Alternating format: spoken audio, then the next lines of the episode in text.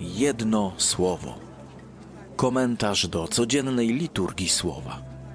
Słowa Ewangelii według świętego Marka. Trędowaty przyszedł do Jezusa i upadając na kolana prosił go: Jeśli chcesz, możesz mnie oczyścić. Zdjęty litością wyciągnął rękę, dotknął go i rzekł do niego: Chcę, bądź oczyszczony. Natychmiast trąd go opuścił i został oczyszczony. Jezus surowo mu przekazał i zaraz go odprawił, mówiąc mu: Uważaj, nikomu nic nie mów, ale idź, pokaż się kapłanowi i złóż za swe oczyszczenie ofiarę, którą przepisał Mojżesz na świadectwo dla nich. Lecz on po wyjściu zaczął wiele opowiadać i rozgłaszać to, co zaszło. Także Jezus nie mógł już jawnie wejść do miasta, lecz przebywał w miejscach pustynnych, a ludzie zewsząd schodzili się do niego. Jedno słowo. W miniony wtorek mieliśmy wieczorem spotkanie dla absolwentów e, z naszego duszpasterstwa i od, właściwie od września na tych spotkaniach omawiamy sobie po kolei dziesięć przykazań Bożych. Dopiero trzecie spotkanie w tym roku, no więc drugie przykazanie Boże. Nie będziesz, e, nie będziesz wzywał imienia Pana Boga Twego do czczych rzeczy.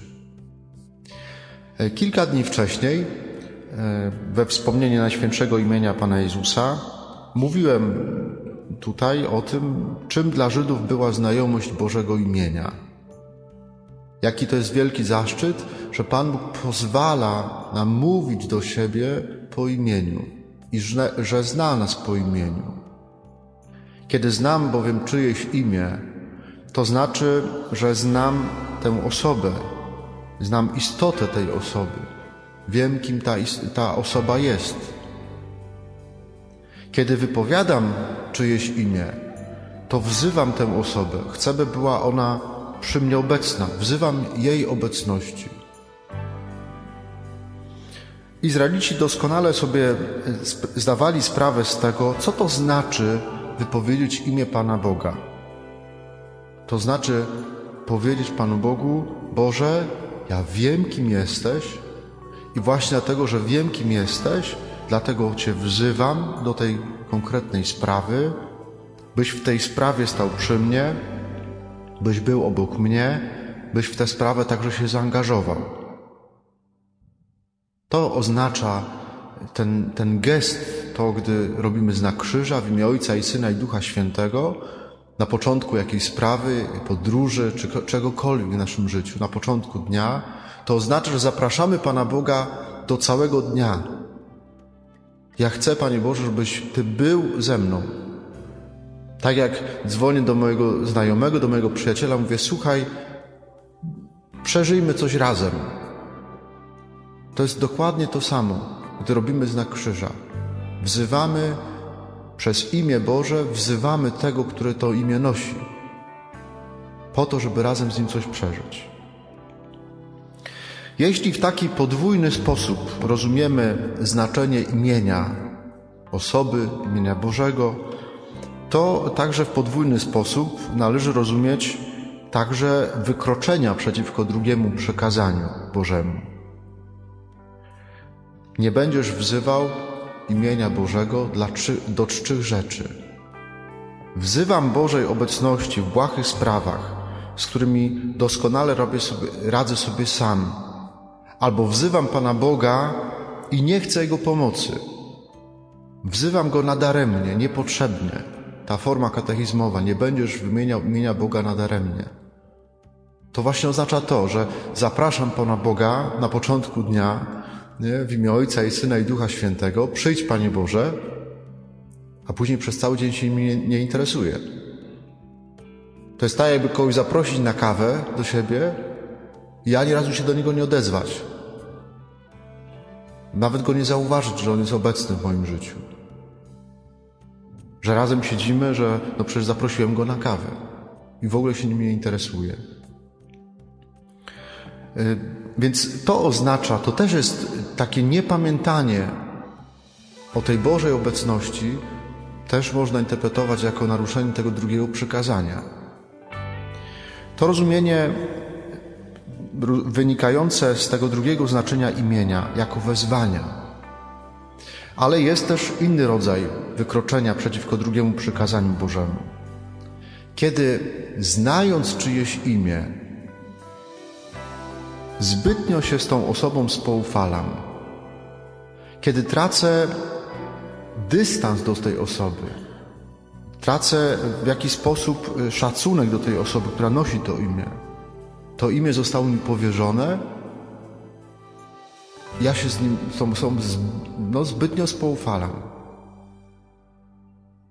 I e, wydaje mi się wtedy, no, że skoro pozwolono, pozwolono mi mówić do tej osoby po imieniu, tak, to znaczy, że ja już mogę sobie na wszystko pozwolić. To znaczy, że, że ja chcę nad tą osobą zapanować, że ta osoba w jakiś sposób, tak mi się wydaje, staje się moją własnością. Może być nawet tak, że nie pozwalam tej drugiej osobie być sobą.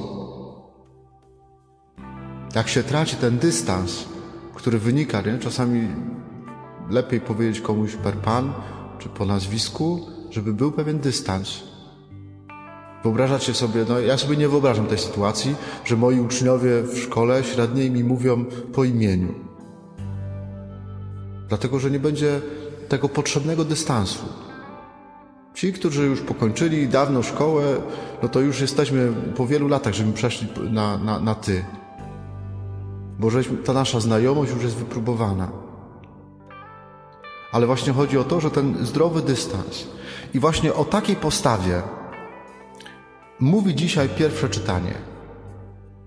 Izraelici traktowali Arkę Przymierza Pana, czyli znak obecności Boga w Izraelu, Jego działania w narodzie wybranym, traktowali Arkę Pana w sposób instrumentalny. Znak obecności Arka Pana, gdy wymawiamy imię, przyzywamy obecności.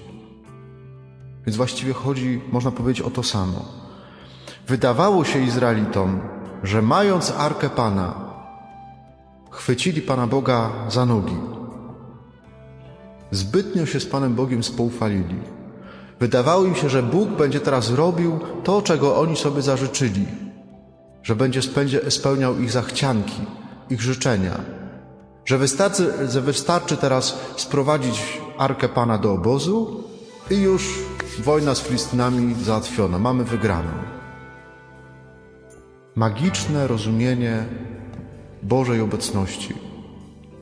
Można powiedzieć, że oni chcieli przykroić Pana Boga do tego swego widzimisię, do swoich planów. Jak inną postawę przyjmuje dzisiaj trendowaty w Ewangelii. To jest całkowicie jakby drugi biegun. Spotyka się z Panem Jezusem, słyszał o nim, że uzdrawia chorych i co mówi? Nie ma żadnych, żadnych do niego w ogóle, słuchaj, uzdrów mnie. Nie. Jeśli chcesz, możesz mnie oczyścić jeśli chcesz. Pozwala Panu Bogu działać. Nie traktuje Boga instrumentalnie, jako dziadka do spełniania e, życzeń. Tutaj w tej Ewangelii dzisiaj widzimy, że człowiek daje Bogu wolność działania. W pełni zaufania do Pana Boga pozwala Jezusowi e, dysponować swoim życiem. Jeśli chcesz, możesz mnie oczyścić. Bo Pana Boga nie da się ogarnąć w żaden sposób. Nie da się go chycić za nogi. Nie da się. Jakbyśmy próbowali i udałoby nam się, to znaczy, że ten nasz Bóg nie jest Bogiem. Jak się któremuś teologowi będzie wydawało, że już poznał wszystkie odpowiedzi na temat Pana Boga, to znaczy, że nie wie nic na temat Pana Boga bo właśnie dlatego, że On jest niepojęty, nieogarniony, niestworzony. To, co wszystko wyśpiewujemy w tej kolędzie Bóg się rodzi, moc truchleje. Nie? Tam jest tyle tych kontrastów. Właśnie dlatego, że taki jest Pan Bóg, nie? niepojęty, nieogarnięty. To właśnie dlatego, że jest Bogiem. Jedno słowo na dziś, które chcę zaproponować, to słowo wolny. Pan Bóg, który jest wolny, absolutnie wolny, jest absolutną wolnością. Oto, prośmy dzisiaj o to, żebyśmy pozwolili Panu Bogu działać w naszym życiu. Żebyśmy pozwolili Panu, żeby Pan Bóg był wolny w działaniu w naszym życiu. Pomyślcie, jakiego to wymaga zaufania. Ale to jest właśnie ta postawa. Nie? Mogę traktować Pana Boga, że będę przychodził tylko go prosił o coś, nie? a tutaj ten, ten, ten człowiek przychodzi, ten trendowaty przychodzi, jeśli chcesz, możesz mnie oczyścić. I przepięknie święty Marek, to jest no, niesamowite, nie? że święty Marek, który jest taki oszczędny w słowa, tam, tam jest wszystko, to, to jest Ewangelia pisana do Rzymian, tam jest wszystko wycyrklowane. Tam nie ma zbędnego, zbędnego przecinka. To święty Marek pisze tak, że zdjęty litością Pan Jezus wyciągnął rękę, dotknął go i rzekł do niego: Chcę, bądź oczyszczony. Bo człowiek pozwolił Panu Bogu być wolnym w działaniu.